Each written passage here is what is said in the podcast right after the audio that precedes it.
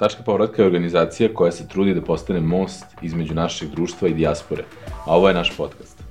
U njemu ćete čuti iskustva i priče naših ljudi iz inostranstva, naših povratnika i uspešnih individualaca koji stvaraju Srbiju. U najnovijoj epizodi Tačka povratka podcasta razgovaramo sa Srđanom Garčevićem, povratnikom iz Velike Britanije, koji je nakon dugog niza godina života i rada u Engleskoj odlučio da se vrati u Srbiju. Srđan je inače kao domaćin, uvek sa druge strane mikrofona u svom pokretači podcastu koji otkriva uspešne priče malih biznisa u Beogradu, ali danas sa nama deli jednu drugačiju percepciju svog životnog puta. Nadamo se da ćete uživati u ovoj epizodi na isti način na koji smo mi uživali da sa Srđanom razgovaramo o temama kao što su zašto osnovne studije u Engleskoj, zašto baš Oxford i kako izgleda život u velikom gradu kao što je London, ali i šta ga je motivisalo da se zapravo vrati u Srbiju i a, svoje parče sreće pronađe upravo ovde. Uživajte. Srđane, dobrodošao.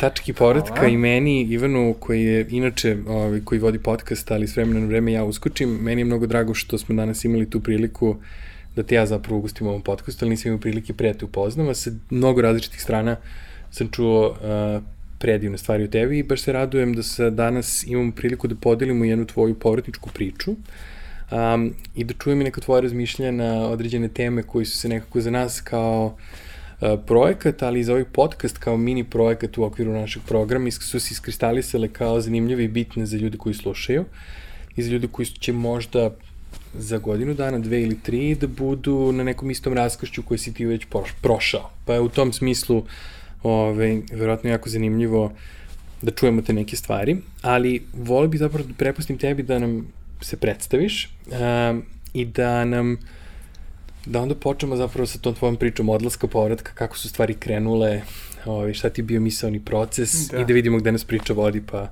polako.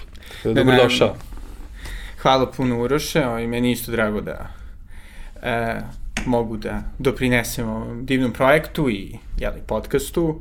Takođe pogotovo, ovaj, žao mi je što Ivan, Ivan nije ovde s nama, ali siguran sam da je tu svojom dušom na neki način.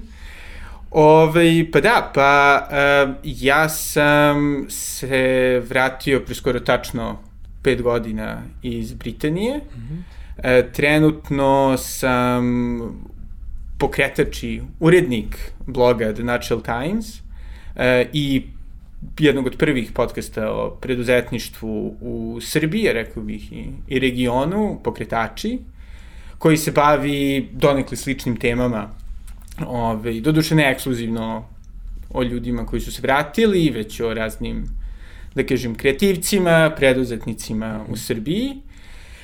E, a pre toga sam posle studija u Velikoj Britaniji, gde sam bio prvo na osnovnim studijama na Voriku, što je univerzitet na otprilike sat i po dva uh mhm. -huh.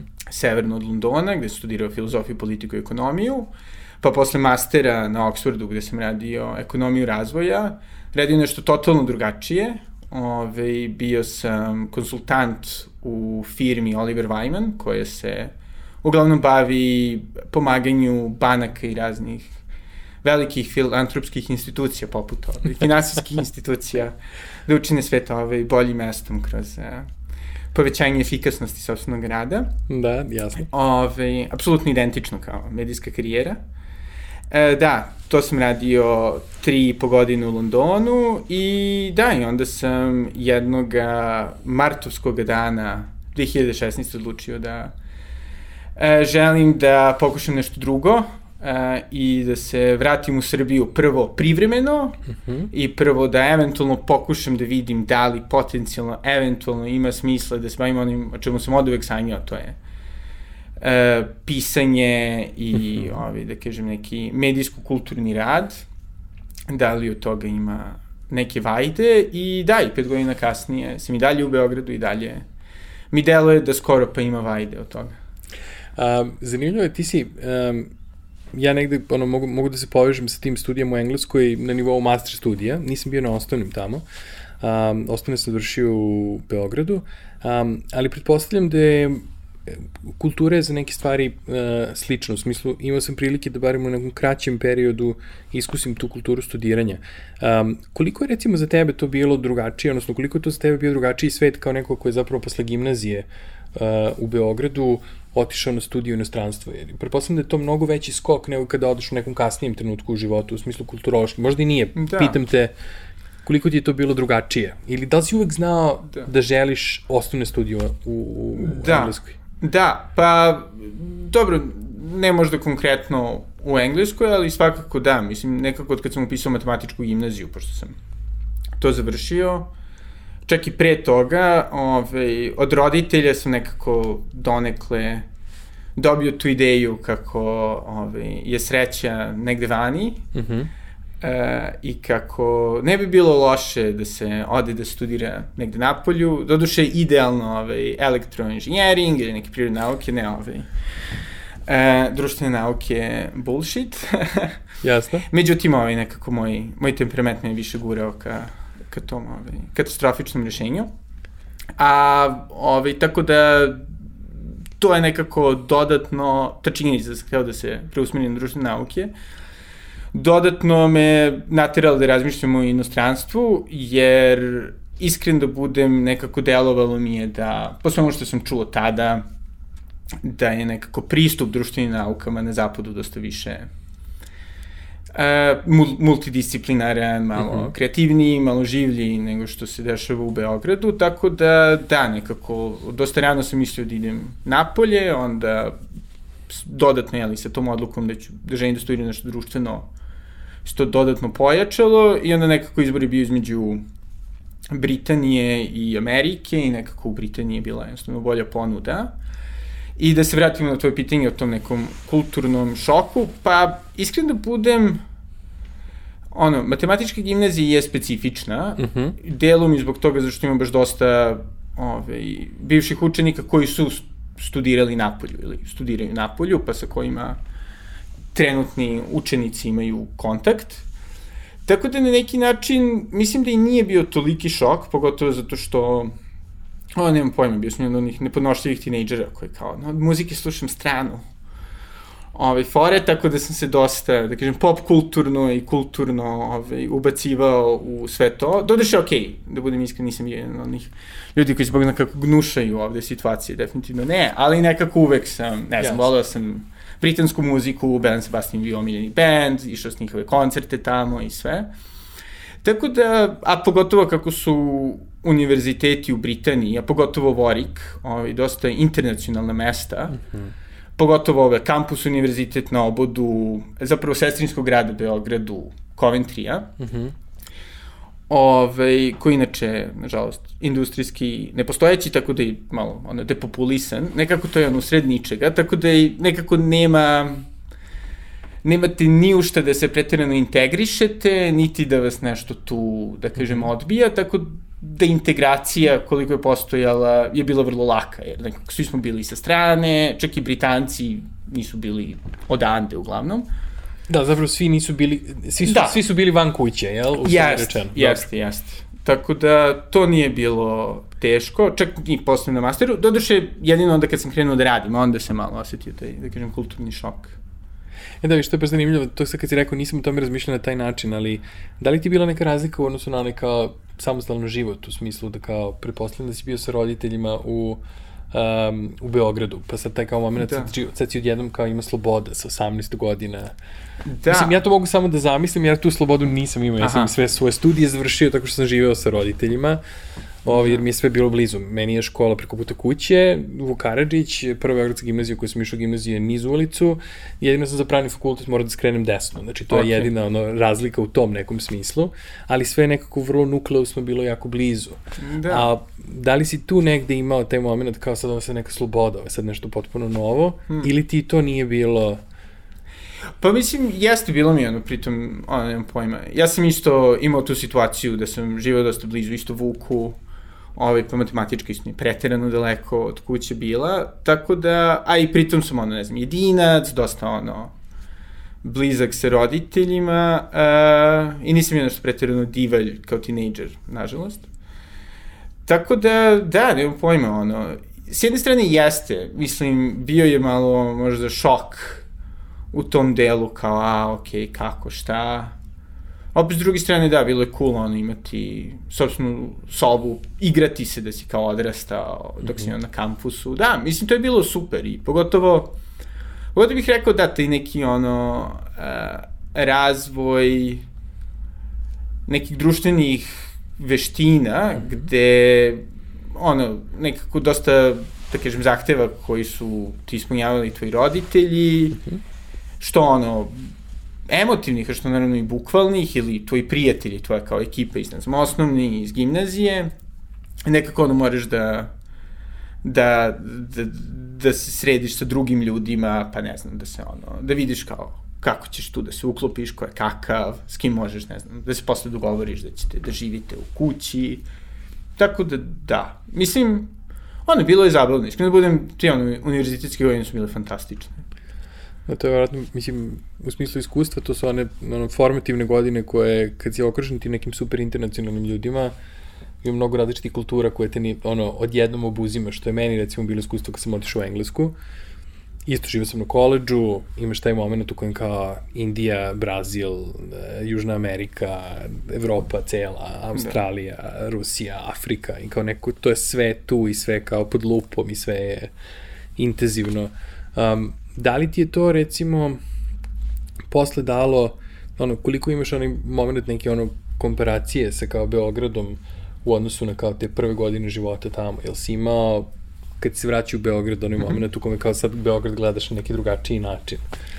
Pa, da, da, mislim definitivno nekako kao što to uvek biva sa ono, blago nevjeratičnim ljudima, u smislu šta god da nema što ti ono, fantastično. Mhm. -huh. Tako da ono, ta idealizovana engleska, ja posle manje ide, idealizovana čim se tamo ovaj, preselio, a onda je Beograd postao ja. Mislim, ja sam od uvek voleo Beograd i ono, uvek se osjećao ovde kod kuće i zapravo uvek sam donekli planirao da se vratim. Uh -huh.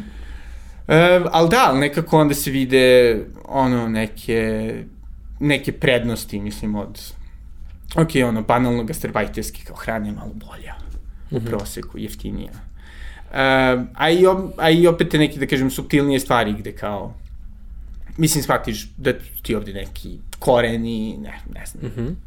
neke stvari na koje si jednostavno navikao, Uh, koje su dobre, koje su te možda ranije nervirale, ali koje kada vidiš da su recimo drugi ljudi iz drugih kultura izrazito ponosni neke svoje osobenosti, neko shvatiš, ok, zašto ono, Mislim, možda i ono što smo mi malo drugačiji od tog nekog zapada i nije toliko loše. Ali mi nismo naučeni da budemo ponosni na naše stvari, jer to neko uvek vodi u neki ekstrem. Pričamo o nekoj normalnoj, barim je moje no. Da. iskustvo bilo takvo da kulturološki ja ne bih rekao da smo mi naučeni da budemo ponosni na neke stvari koje su, recimo, ja nikad nisam bio ponosan na srpsku hranu. A onda Aha. tek kad sam prvi put otišao duže da provedem vreme u inostranstvu, ja sam shvatio da kao, ja sam uvek mislio da je srpska hrana divna, ali nikada nisam bio na nju ponosan, jer ona, znaš, nisam kao bio italijan koji je fazon, ah, italijanska hrana, pa kao, znaš, ti neko da, dođeš da. kao fazonu srpska hrana, kao, super je, ali nemaš baš osvešćenost koliko je ona zapravo dobra i fantastična i koliko je da. superiorna u nekom smislu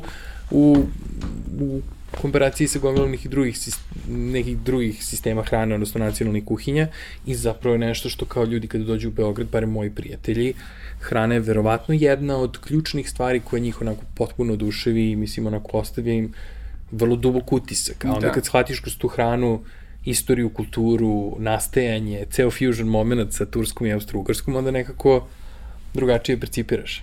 Pa slažem se, da. Mislim, nekako ono, taj odnos prema ono, ne znam, Srbiji, Beogradu, taj neki ponos. Mislim, okej, okay, ono, kao, pivši da smo obojica odrastali 90-ih, ranih 2000-ih, od stvari bile komplikovane i teške na mm -hmm. razne načine. E, definitivno nije bilo na taj ono, patriotski ono, chest thumping moment kao da, mi smo najbolji, ili je bilo, ali je makar ne znam, u krugovima u kojim sam se ja kretao je neko bilo, gledano sa podozrenjem. Isto. Um, ali opet, mislim, a opet dobro, ali to je malo i efekt toga da jednostavno uh, ono kao, kad si u Beogradu, ne primećuješ Beograd, neko uzimaš stvari zdravo za gotovo, A drugo, nekako da, meni možda malo i drago zato što čak imamo tu neku, ono, da kažem, kritičku distancu prema sobstvenom, sobstvenoj zemlji. Jer, mislim, ono, bilo je nekih smešnih situacija na faksu kad vidiš da se ljudi zaista malo preterano lože na svoju naciju ili zemlju, ovaj, i to uglavnom mislim na zapadnu Evroplje, ne, ne, mm -hmm. ne ono standardno kao ona satira o Kazahstanu, znaš, ono, ne znam, mi smo sređeni i dobri, naš sistem fantastično funkcioniše, na, na, na. Ove, pa onda samo možeš malo cinično da se ne smeješ, dok opet mi smo nekako, ono, da kažem, da upotrebimo onaj fantastični Twitter termin ili Matrix termin, ono, red pilovanje od rođenja, tako, Jasne. black pilovanje, ako ne. Da. Tako da ti nekako sve, sve dođe onako prirodnije. Da, to je verovatno dobra distanca i zdrava za gomilu nekih stvari za sagledavanje ove, stvari, ali kad si završavao osnovne studije, ili si onda imao ideju da ćeš, odnosno da li si odmah otišao na master nakon osnovnih? Da. Dobro, znači imao si ideju da želiš da ostaneš još neku godinu u Britaniji? Da, da. Pa mislim imao sam tri fantastične godine na Voriku, uh mhm. -huh. ove, sjajne prijatelje, akademski je zapravo bilo isto sjajno, jer neko ono, otišao sam u te studije filozofije, politike, ekonomije, misleći, a ekonomija to je računovodstvo, koga to interesuje, da bih se na kraju, ovaj, ono, razvio, ok, neću da kažem da se zaljubio u ekonomiju, ali da, možda, kažem, razvio neku, da kažem, ono, love-hate odnos prema ekonomiji, svakako fascinantna nauka i dosta korisna. Bilo čime želite da se bavite. Tačno. E, I nekako da, i dalje sam bio gladan nekog ono, akademskog usavršavanja, tamo su osme studiji samo tri godine. E, i, I takođe iskreno budem, ovaj, bio sam gladan i tog nekog, da kažemo, ono, standardnog, Harry Potteresknog e, iskustva studija. Vorik je, mislim, iz 60. godina, dosta onako brutalistički, modernistički, mm -hmm univerzitet, e, tako da nekako nije bilo pretirano te ono gotske, neogotske arhitekture i bio sam foru, ne, moram, moram da, ovaj, moram da, da budem ono, u Harry Potter landu i onda sam završio na, na Oxfordu. Dobro, to je jedan od, e, kako da kažem, ona, vrlo zdravih razloga da se ode na Oxford. Ovaj, da. Kao Harry Potter, znaš kao Harry Potter formal, verovatno ima svake treće da. nedelje. Da. Ok, doduše, naravno, ovo, ovo malo ono, karikiram. Mislim, bili su i dosta cinični razlozi. Ovaj, ono što shvatite u Britaniji, to da postoji vrlo jasna Absolutno. Ove, hjerarhija univerziteta. Ako ste na top 10, gde i Vorik možete, ne znam, da dobijate zapravo poslove u financijama, u konsultingu, u pravu, u mhm. prestižnim kompanijama koje mogu da vam sponzorišu vizu, možete da imate neki ono... Otvaraju se opcije. život, da. Ali zato ako idete na Oxbridge koji dalje ima ogromni, da kažem, ogromnu kulturnu težinu u Britaniji, onda vam se otvara još puno opcija, tako da, mislim, imalo je i karijerskog smisla. Pošto do tada sam već radio uh, i par praksi u ove, investicionim bankama i sve i onda sam nekako shvatio da, da, da mi se čak i svideo ne, slično kao i ekonomija, da ima neki love-hate odnos i prema tom ono, korporativnom svetu, ono, City-a i Canary Wharf-a, ovaj, koji je onako isto vrlo zanimljiv i, i nekako da, odlučio sam da... Ok, onda Oxford, college. Um... Da, bio sam u Kellogu. Nažalost, ovaj, uh, eto, tu me sudbina ponovo ovaj, izneverila. Kellogg je jedan od najnovijih koleđa, uh -huh. uh, ali je ono, dosta lep, dosta cool i dalje. Ali ti doživio si Oxford svaka, ja mislim da na kom god koleđu da završiš, ti Oxford možeš da doživiš i na najstarijem koleđu i na bez obzira da li si njegov član ili nisi, to je dosta da. dostupno kao studentu, ta, ta yes. mobilnost u okviru univerziteta je zapravo fantastična. Da. Mislim, kao, kao i svuda, ono, mislim, svako mesto je ono što, kako ga iskoristite. Uh mhm. -huh. Razlika naravno postoji ako ste u koleđu koji ima ovaj, undergrade, to uh -huh. jest do diplomci ili ljudi na osnovnim studijama, koji su posebno na Oxfordu onako prilično piktoreskni, jer su uglavnom oni baš ono, kako zamišljate oksfordske studente, ono, Eton, privatne škole i to. Tipično bogata deca, bogatih engleskih roditelja. Ili internacionalnih ove, roditelja koji će posle, ne znam, biti premijeri i to, dok ove, oni grad college gde i Kellogg bio njih, su ipak malkice drugačije malkice, su mirni, mada isto zanimljiva ekipa, ali da, ja se definitivno trudio da ono, vidim sve. Od ono, ne znam, debata u Oxford Unionu, do, nema pojma, sastanaka njihovih raznih grupa, klubova, bio sam na jednom presmešnom ovaj sastanku njihovih konzervativaca, koji završili tako što su pijeni, ovaj, pevali patriotske pesme ovaj, na nekom prastarom stolu, ali da, ovaj, ono, Bilo da li, si, da li si na kraju otišao na formalnu večeru koja je bila Harry Potter themed? Da li je to... Ne, ne, ne, ne, ne, ne ali sam je na izrazito lepoj ovoj formalnoj večeri u All Souls College koji je da. prilično onako selektivan, pošto uzima samo kao najbolje i ovaj, koja je onako bila fascinantna sa svim tim prelepim ovaj, svećama i ne znam, divnim ovaj, srebrnim escajgom i tim pravilom da ne znam, morate da se ono okrećete na razne strane u jednom trenutku da biste pričali sa ljudima, tako da, iz, mislim, fantastično iskustvo s nekoga koji inače voli, da kažem, ono, da posmatre stvari. Jasno.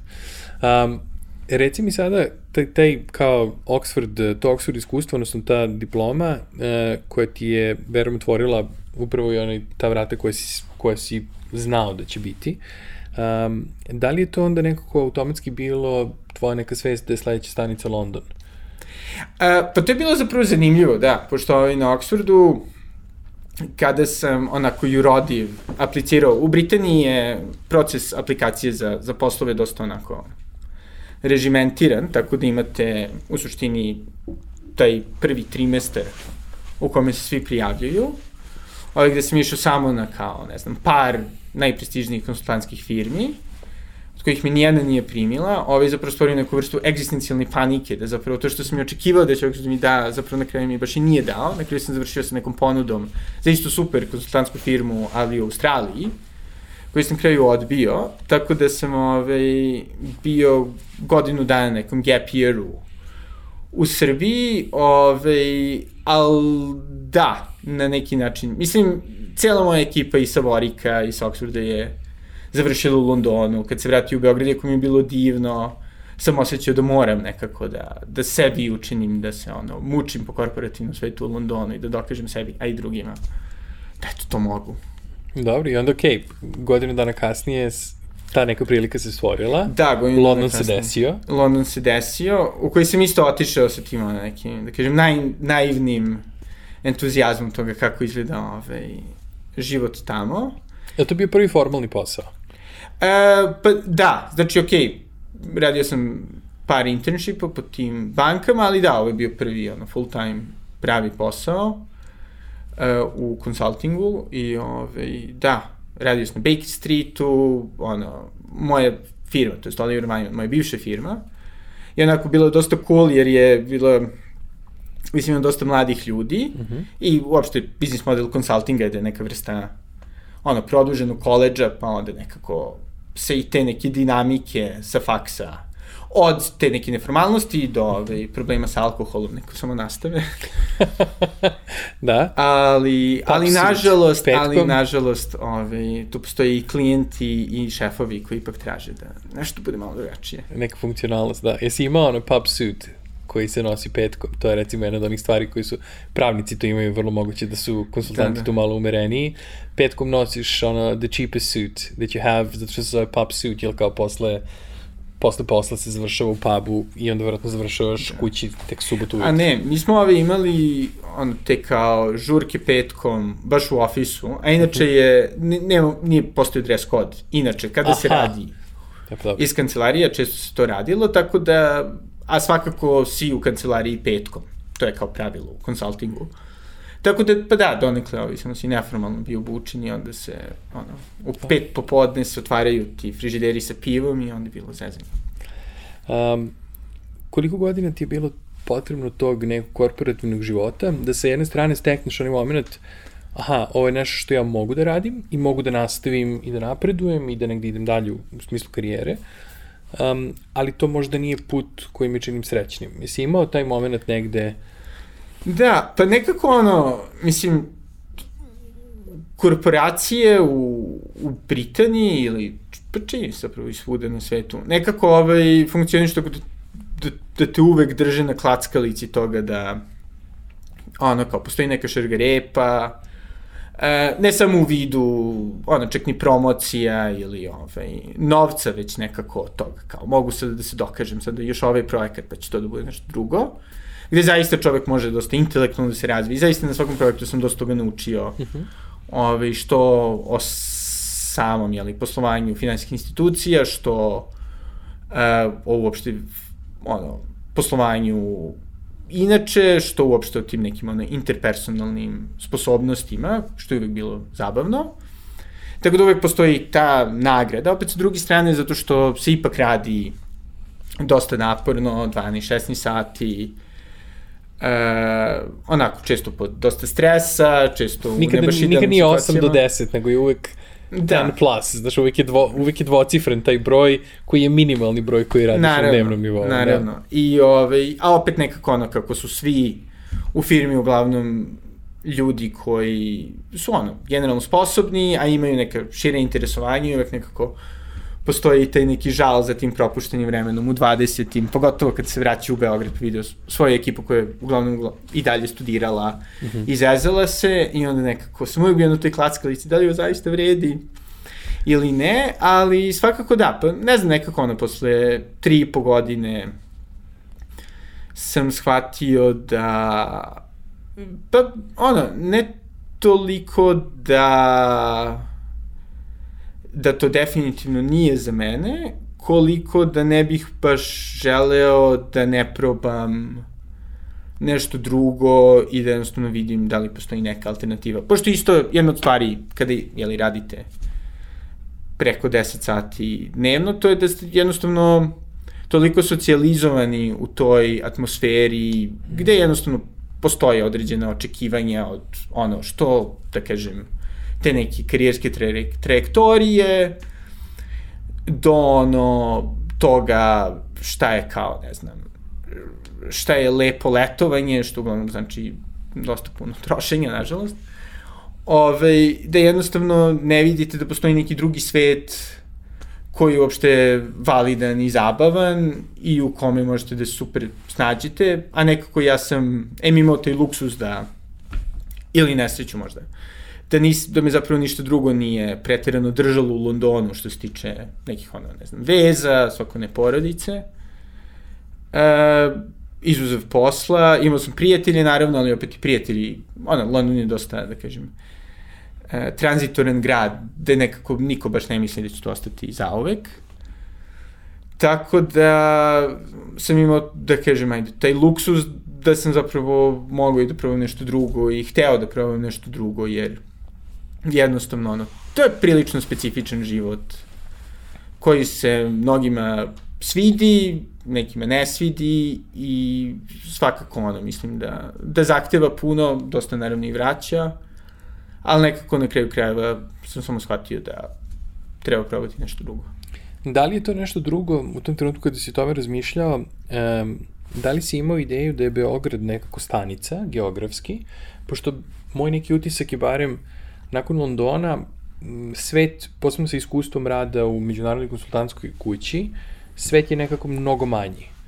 U smislu te neke prilike koje možeš da juriš u sličnim ili povezanim branšama se nekako otvaraju na globalnom nivou. Imaš Hong Kong, imaš Singapur, imaš Australiju, imaš Dubaj, ja. Dubaj imaš zapadnu Evropu celu, jel? Skandinaviju, otvara se Amerika, uh, u kom, u kom trenutku zapravo ti negde to geografski, pošto rekao si da nisi imao zapravo neku ono emotivnu, emot, emotivnu komponentu koja bi te držala u Londonu, um, pretpostavljam da, da je onda zapravo nekako i svet bio vrlo otvoren kao opcija ili je uvek postoji neki onaj moment ja bih volio da se vratim kući, mislim... Da, pa uh, nekako ono, ja sam uvek bio vezan za Beograd i što sam se više nekako vraćao u njega tokom ono, odmora, to sam neko bivao više vezan i nekako ono i kako je moja ekipa ono, odrastala i krenuli su da, da rade dosta zanimljive stvari. Ne znam, neki njih su ono, umetnici, neki su arhitekte, neki su isto ono, u korporativnim vodama. I neko što sam više video da njihovi životi u Beogradu su jednako ili više ispunjeni od moga. Mhm. Mm Ove, onda je Beograd definitivno postojao sve zanimljivija destinacija. -hmm. Mada nekako da, ono, mislim, iskreno da budem, kad sam davao otkaz, uh, više sam imao taj osjećaj da samo želim da pravim nešto drugo. Nisam imao tačnu ideju šta tačno želim da to bude.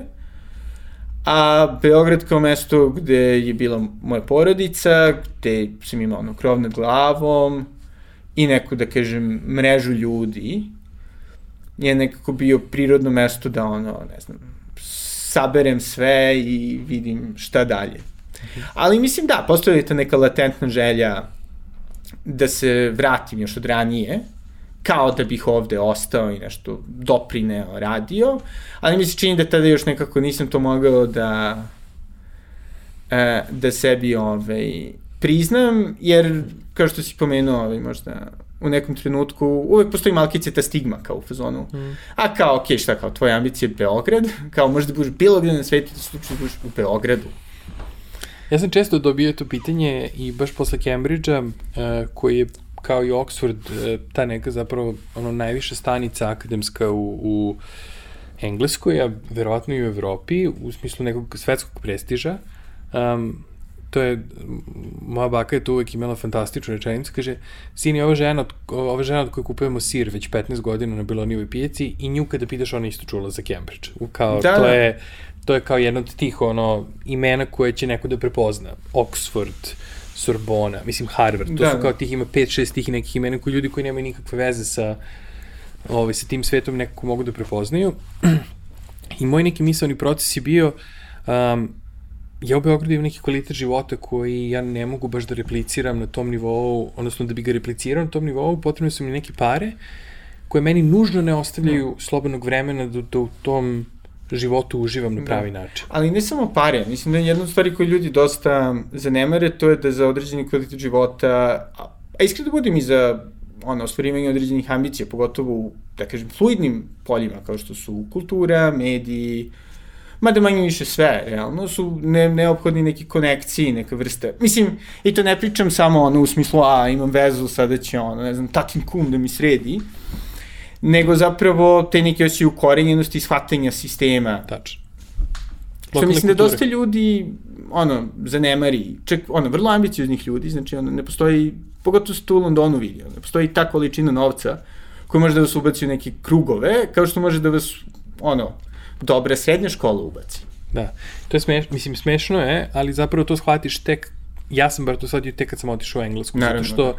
taj moment tradicionalizma u kojem seća se organizovanje konferencije i um, moment u kojem pišeš partneru u Londonu, što, koji je čovjek koji sa svojim associatima komunicira na nivou jedne rečenice, ali nema vremena na više da ti odgovori, kažeš, evo pišem sa Cambridgea, vi ste bili student ovde, da li biste volili da podržite konferenciju, i finansijski da dođete da govorite i da dobiš ovoliki mail. Ja sam bio za ono, nema šanse da smo mi sad dobili odgovor od čovjek je sebi napisao mail kao, ne, ne, kao, to je, to je moj alma mater, kao, ja sam tamo, ja sam odatle potekao.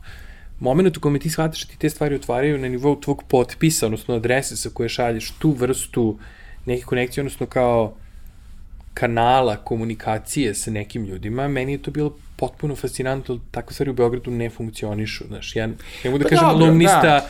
pa ja ne mogu da kažem alumnista kao, mi smo isto završili isti fakultet, pa će neko na taj način da odreaguje. Ja barem okay, nisam postoje, im... postoje, ne znam, mate, ono, ekipa iz matematičke gimnazije dosta često se ono, drži e, ali zajedno. To, ok, ali to, a to je generacijski. Pa ne, ne, ali čak ono i kao. Aha, stvarno? Inače, da, da. Mir, to, ja, je, recimo, to je naša prljava tajna. E, pa dobro, okej, okay, to je, okej, okay, izuzimamo da matematičku, moje iskustva nisu bila takva, Um, ali ono što, da se vratimo zapravo na ono što, što je negde uh, potencijalno trebalo da bude pitanje, pa sam ja otišao okay. na drugu stranu, izvini. Um, povratak u Beograd, um, koliki je za tebe zapravo bio ono kulturni šok posle toliko godina provedenih u inostranstvu? Jasno mi je da si dolazio na ono kraće periode, ali sad da. kao moment u kojem ti se ovde provodiš neko vreme u smislu kontinuirano si tu, imaš ceo taj misalni proces šta, da. šta želim da radim dalje, šta je sledeći korak. Koliko je Beograd bio dobra sredina za tako nešto? Upa, Beograd bio, mislim, sjajna sredina. Mislim, kulturni šok, pa, ono, nije postojao. Ja sam, ono, stvarno, ono, ček, i kada nisam bio ovde, ja sam ono non stop, ne znam, visio na Blicu, na Beobildu, raznim forumima ovaj, o Beogradu, informisao se šta se gradi, šta se dešava, onako baš ono, tipična kažem, gastarbajterska priča, ono, nerviranje zbog ove, srpske politike a u Britaniji, ono, pojma šta se dešava uopšte. E, znači nikad da. nisi zapravo izgubio vezu? Ne, ne, ne, ne, pa nikako ne.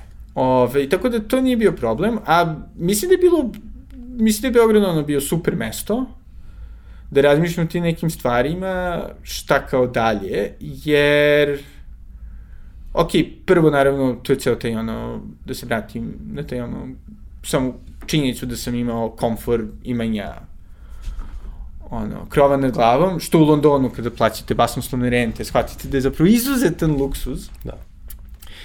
E, I te neke šanse da pričam sa zaista ono, super ljudima iz raznih polja koje sam ja tu znao, što sam ono, ovde odrastao.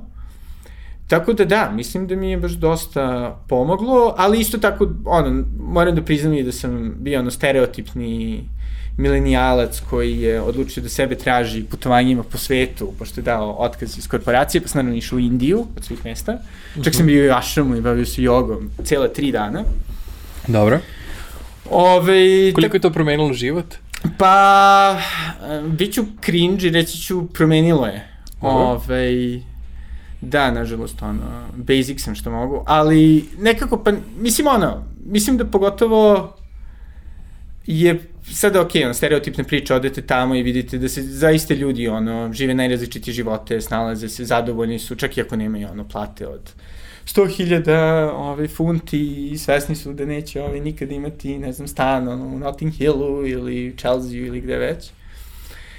Um, ali isto tako da, ono, nekako vidite da, da je sve zapravo dosta veći nego što je taj neki, ono, da kažem, usmereni e, mentalitet hiperambicioznih mladih ljudi sa svetske periferije kao što smo mi koji su ono gladni toga nekog mm. uspeha i ono osvajanje visokog mesta na zapadu da je jednostavno život zapravo ono mislim da ima da niste baš nužno u pravu kada se samo držite tog nekog jednoga puta koji mislite da je smislen. Čak i ako ja nikada u njega baš možda 100% nisam verovao, ali opet ta neka ideja da, da život treba da ide ono uzlazno linearno, uzlazno u smislu ono zarade, u smislu ono sve većeg prestiža stvari koje radite, u smislu ono šanse da otkud znam ono dajete intervju u politici da, i da ono napišu ne znam naš, naši uspešni u svetu, eto, on se tamo bori, na, na, na, pa da kao nešto malo lamentirate što niste u Srbiji, a zapravo da se hvalite kako je super. Da, mislim, to je super za neke, ne za sve. I, i ono, na kraju krajeva, ono, svet je takav da ne završe svi tu, ali da je to isto okej. Okay. Znači, nijednom trenutku nisi imao zapravo ono, m, neko svoje ono duplo razmišljanje ili ono reevaluaciju odluke da se vratiš za Beograd? A, dobro, to ja sam imao.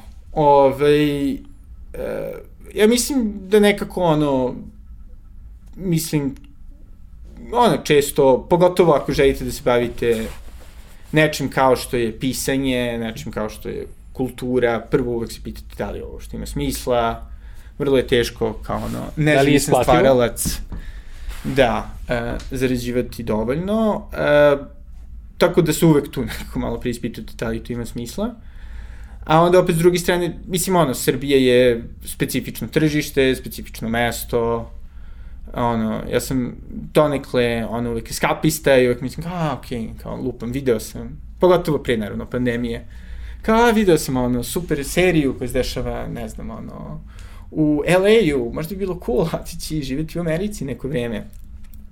Ali, ali iskreno da budem nekako ono, što sam više bio u Beogradu, što sam nekako više e, postao svestan i, da kažem, zalivao te svoje korene, bilo što se tiče porodice, bilo što se tiče nekih ono, prijateljstava. U krenom slučaju isto je ono, nekog shvatanja da zapravo mesto gde zaista mislim da mogu najviše da doprinesemo ono, odvratnom ono, corporate speaku, ali u svom samo u kome neko osjećam da želim Ili da budem. Ili možda stvoriš neku dodatnu vrednost. Da, ovaj, je nekako Beograd, da mi je ovde nekako užasno bitno kada vidim da se nešto lepo desi, a nije mi toliko bitno da se to desi u LA-u, u Londonu, bilo gde drugde. onda nekako je, su sve te ove, sumnje nestajale, jer a, mislim, on, uvek, uvek, uvek se čovjek preispituje. Iskreno da budem, ono, moguće i da ću, ono, otići u nekom trenutku ponovo. Apsolutno, i to, to je potpuno normalna stvar. Da, ali, ali mislim da zaista nekako shvatite u jednom trenutku da da postoji nešto fundamentalnije od tih ono, privremenih želja i kao Ima jedna divna rečenica koja je jedna naša prethodna gošća na podcastu, Nevena, uh, koja je bila u Velikoj Britaniji baš na studijama kao činnik stipendista, um, rekla je kao, ja sam shvatila da kao sad to neko znanje iz javne uprave koje sam ja stekla i nekog boljeg funkcionisanja nekih stvari, ja mogu da dam kao vrednost bilo gde, ali da jedino društvo za koje mi je zapravo bitno da tako da. nešto uradim i kontekst koji je meni bitan je kao moj kontekst, mislim kao Beograd. I kao ja sam shvatila zapravo, ja sam uvijek znala da želim da se vratim, zbog toga što sam znala da ako nešto mogu da stvorim, a to nešto može da ima bilo koju vrstu pozitivnog efekta, ja želim to da radim u nekom mom društvu, odnosno društvu u kojem, čijim se ja osjećam punopravni član u svakom smislu i sa kojim sam povezana, ti to lepo rekao, zalivaš korene. To je recimo ne, baš onako divna, divna slika. Taj moment je možda nešto što je onako kao inspiracija za mnoge zapravo da se vrate, ali nisu spremni da naprave taj skok i da se malo probaju ono u nekim vodama koje su im drugačije na nešto su navikli u životu u inostranstvu. Reci mi, pošto kao ti si se vratio i sad zapravo si počeo da se baviš sa dve forme pre pet godina, koje su onako u Srbiji još uvek negde u začetku. Znaš, kao blog i sajt, plus podcast. Ok, podcast je sada sve više, ta kultura da. se dosta razvila u prethodne možda dve godine, ali u trenutku kada si ti tu počinjao, to je onako, ja bih rekao, bio dosta egzotičan medijum, posebno za nekoga ko piše nezavisno, jel? Pa da, doduše, ok, dobro, blog nije, mislim ono, BDV2 blogovi i sve to su postojali pre toga, ali da, kao blog na engleskom koji se bavi ono, Srbijom i regionom na neki, da kažem, ne prvoloptaški način u kontekstu, ne znam, političkih dešavanja ili ekonomskih analiza.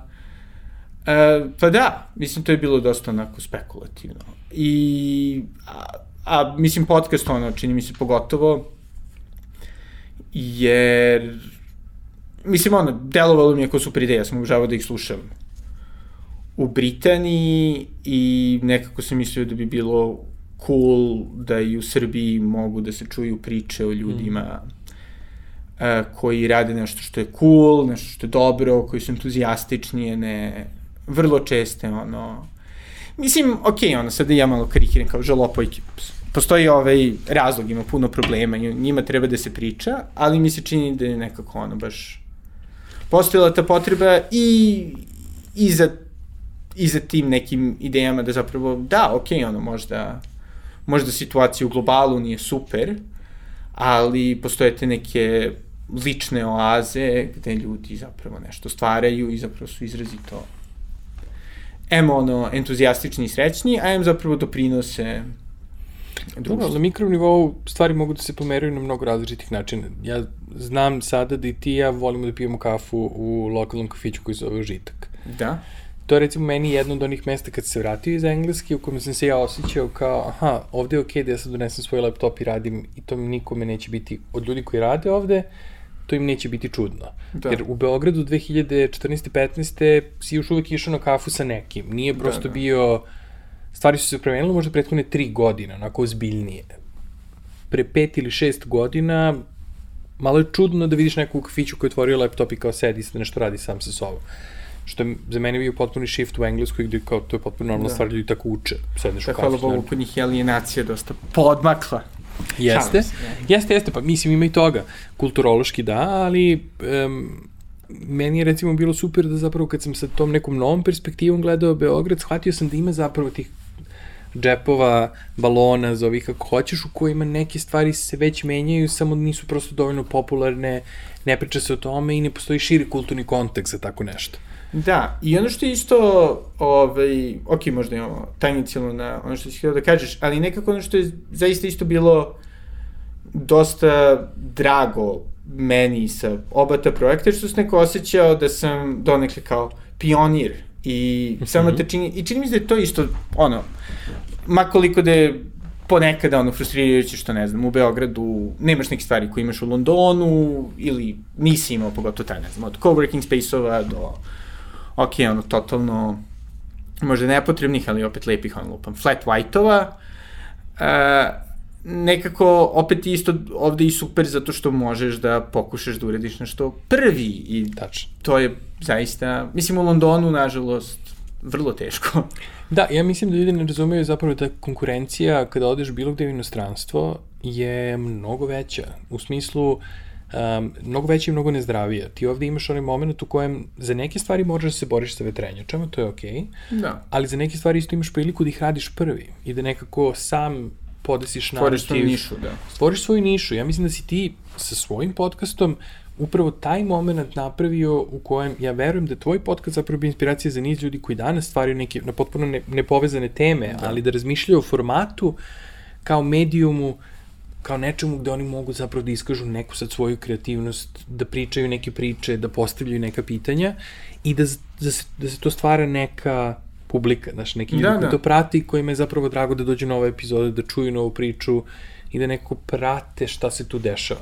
Um, možda je zapravo onda, znaš, ono, jedna od poruka koju mi možda možemo da pošaljamo kao ljudi koji su se vratili i sad ovde prave neke stvari je da ako imaš ideju, a, Srbija je vrlo verovatno dobro tržište za tu ideju, ovaj, Da. ne za uzgoj tropskog voća, ali Možda ne, kao a, za neke stvari koje su, posebno ove stvari kako si rekao, koje su kao to ne baš nužno određene u smislu neke forme. Kultura, mediji, sve što je interdisciplinarno, a, što, kako da kažemo, ono ima neki širi sociološki kontekst. Ja mislim da prostora za kreativu, za ljudi koji žele da to neko znanje od spolja izliju ovde, da. mislim da postoji jako dobro korito. Jeste. I čini mi se da ono što, što je meni super u Srbiji, to je zato što su ljudi zaista vrlo otvoreni možda kontra nekim predrasudama. Mm -hmm.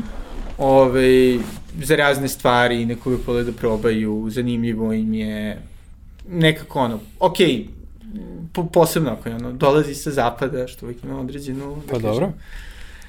E, težinu i dalje, opravdano, neopravdano, ali svakako ima. E, tako da da, to je, to je super i, i isto tako, mislim ono, ponovo, velika šansa ako ste iz Srbije, da ćete u Srbiji imati dosta veće resurse i dosta širi prostor da, da pokušate da radite nešto. Mada opet, isto tako, mislim, ako ovo sluša neko u inostranstvu, isto tako, mislim, možete da odete, ne znam, i u Guatemala i Nikaragu i da tamo pokušate i isto će možda da bude cool, ali svakako mislim da, mislim da ima čak i dosta istraživanja zapravo, koliko su što kreativne industrije po ironično centrima kreativnih industrija, ono, ne znam, New York, London, zapravo baš po tim velikim pritiskom, jer, ono, ekonomski, užasno je skupo biti Jeste. tamo. Jeste. Možete da budete, ono, trustafarian, ali, ono, dosta ozbiljan trustafarian, da biste mogli, ono, da živite u Brooklynu i da se zezate imate svoj podcast.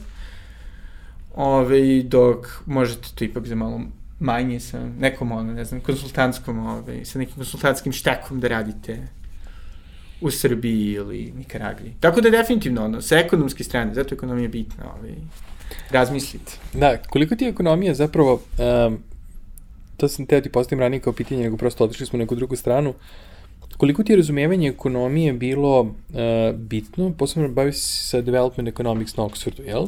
Da.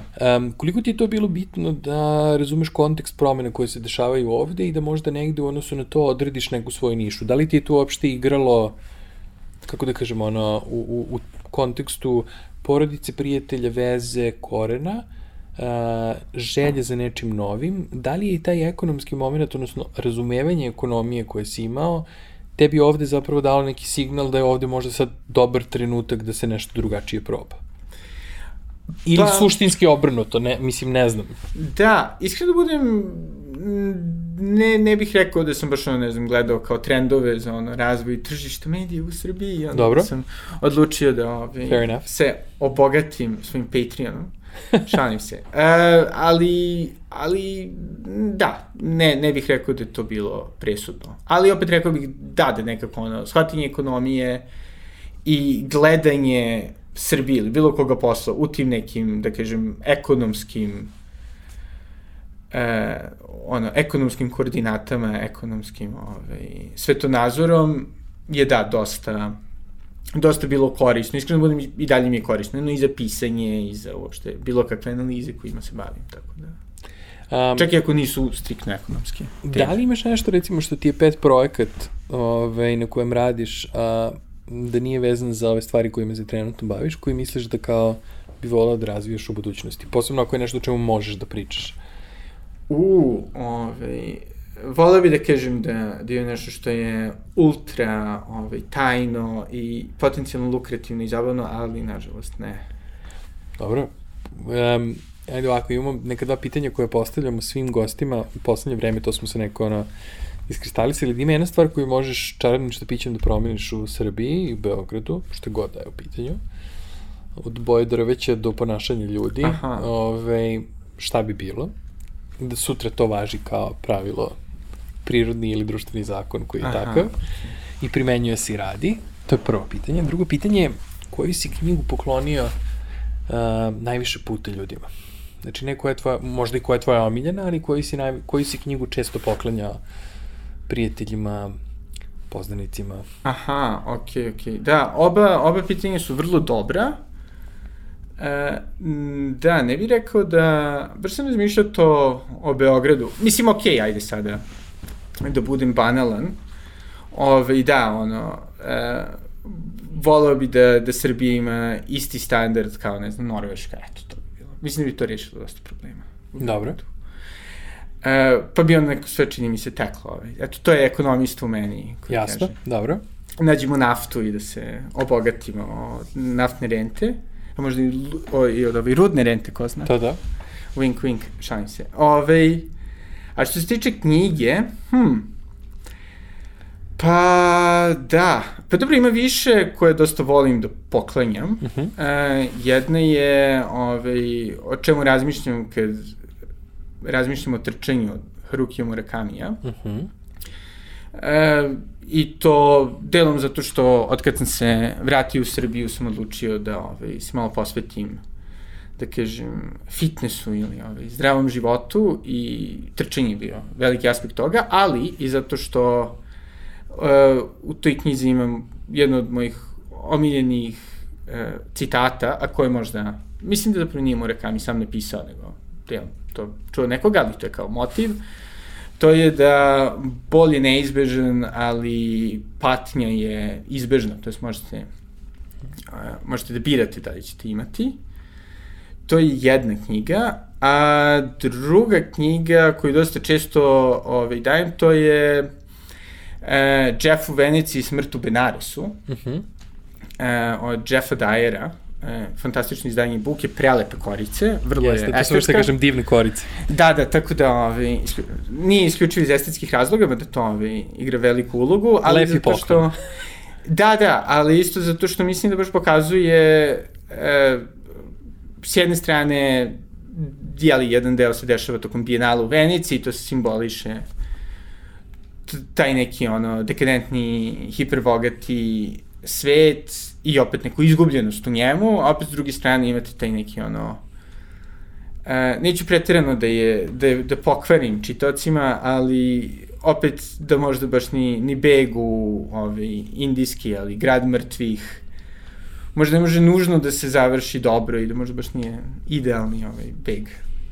Šta je tvoja, šta je možda za tebe ono jedna od, jedna od lekcija koju si, koju možda ti volao onako da izdvojiš tog cijelog ono, odlaska u inostranstvo, života tamo i povratka nazad. Um, da. Šta bi bio neki ono tvoj take? Da, pa nekako ovaj, da si me ovo pitao pre možda šest meseci odgovor bio skroz drugačiji. Nažalost, u proteklih šest meseci je moja majka preminula, obolela je od kancera i nažalost... To je još jedna, to je još jedna da. stvari koju nažalost delimo. Ima sam to iskustvo neposredno prelazka u englesku. Da, izrazito mi je žao. I, i onda... Ovaj... Razumem te skroz. Mislim, to da. sam rekao samo na nivou da. mogu da zamislim bar u nekom segmentu ko šta si prošao. Da, i uzviš u obzir da, da se radilo o galopirajućem ovaj, kanceru pankreasa, koji imali smo sreće, makar nije bio pretredno bolan za nju, mada svakako ovaj, traumatičan za sve. Nekako mislim da je ono, glavna stvar to da ono, vremena baš i nema toliko koliko mislite. I to ne pričam samo ono za to da provodite vreme sa svojim roditeljima. I to mi je izrazito drago što sam ovih pet godina imao prilike uh mhm. -huh. da budem sa njima, pogotovo sa mamom s kojom sam bio izrazito blizak. Um, da nema vremena ni za vas, ma da ne u smislu da sada treba da ono, budete neurotični i da kao ono, Woody Allenovski non stop razmišljate o smrti i da nekako odlažete i da sečete sve, već da nekako postoje, postoje kajanja koja možda e, koje treba da shvatite da možete izbeći ukoliko ste malo hrabri prema tome šta želite. I iskreno da budem, iako naravno razumem da je koncept tačke povratka i svega toga, ta ideja cirkularnih migracija i to ne kneli, povratka u Srbiju, ali naravno i uopšte te ideje da to nije toliko velika stvar. Čini da je to glavna možda poruka, da hmm? nekako ovaj, je bitno da, sad će ono, zvuči vrlo hipijevski, ali ono, krivim Indiju.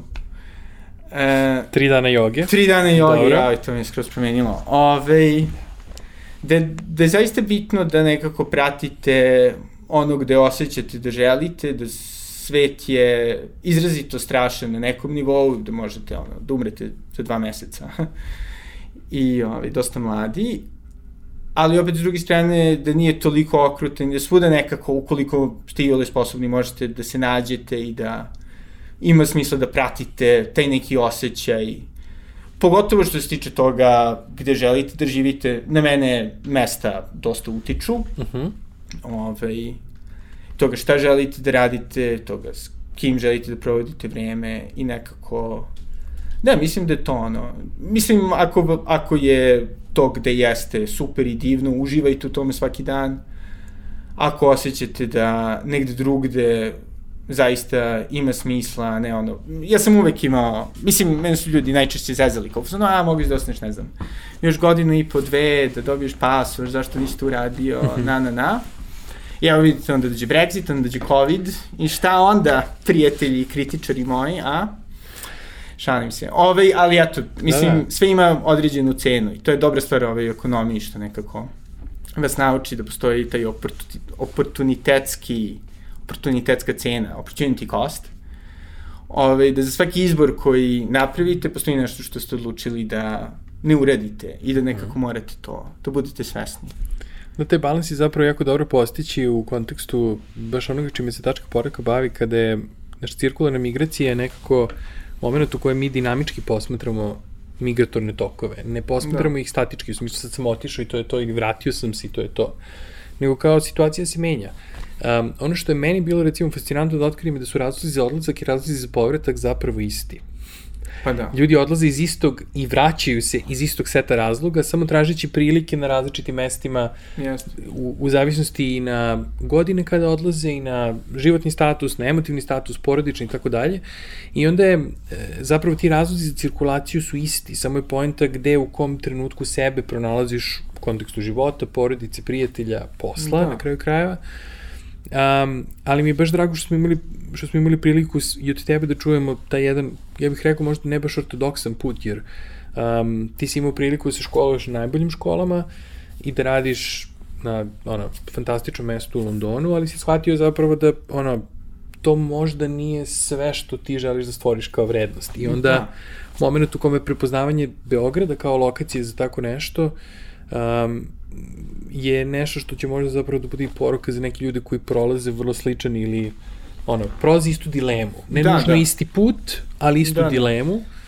Da, pa mislim da je dosta bitno ovaj, u celoj ovoj priči nekako ipak podsjetiti ljude da su oni, ono, iako sam ja nisam malo zezao kalinacije, ali da su oni, ono, individue, mm -hmm. da ne treba slušati šta kaže ovaj tabloid, ona renomirana ovaj, medijska kuća, da ne treba ono slušati pogotovo komentare od toga a najbolje je u Srbiji, niko te neće voleti kao ovde ili opet s druge strane ono a ono, ovde je pakao, moraš da ideš i sreće na polju već da nekako ono zaista budete iskreni prema sebi, iskreni prema onome što želite, iskreni u krenom slučaju prema ono, sobstvenim, kažem, resursima i situaciji I da, da nekako ono, ne, da, da, da vaša odluka oko toga gde ćete i šta ćete raditi bude bazirana na vama samima, a ne na tim nekim ono,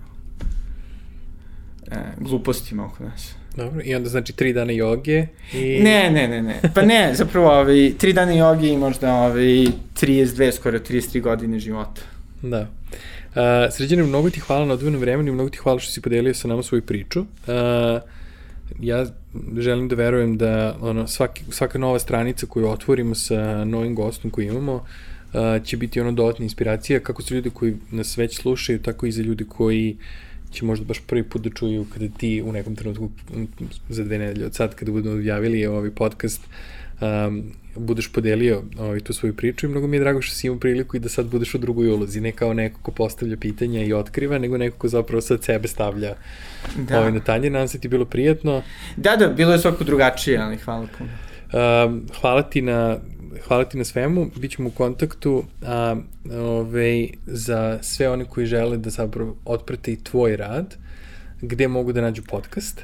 Da, znači ovaj podcast možete naći na, na radio operatu mm -hmm. e, svake srede od 7 časova popodne. Mm -hmm. e, ali i na Soundcloudu e, ukucajte pokretači podcast ili Soundcloud crtica Srđan crtica Garcevic. Mm -hmm. Ovaj, lakše svakako pokretači podcast i na svim ovaj, renomiranim podcast platformama od Spotify-a do ovaj, e, iTunes-a. E, blog možete naći na adresi thenutshelltimes.com Patreon, ne zaboravim Patreon. Naravno. Ako želite da podržite, možete naći na patreon.com kod se crta Belgrade. Imam i Instagram nalog The Belgradist, koji promoviše zanimljive stvari u Beogradu ovaj, iz neke moje vizure, tako da eto, ako vam treba još razloga da obožavate Beograd, naći ćete tu, a i ono, tu sam i na Twitteru i Super, stavit ćemo sve linkove u opis profila.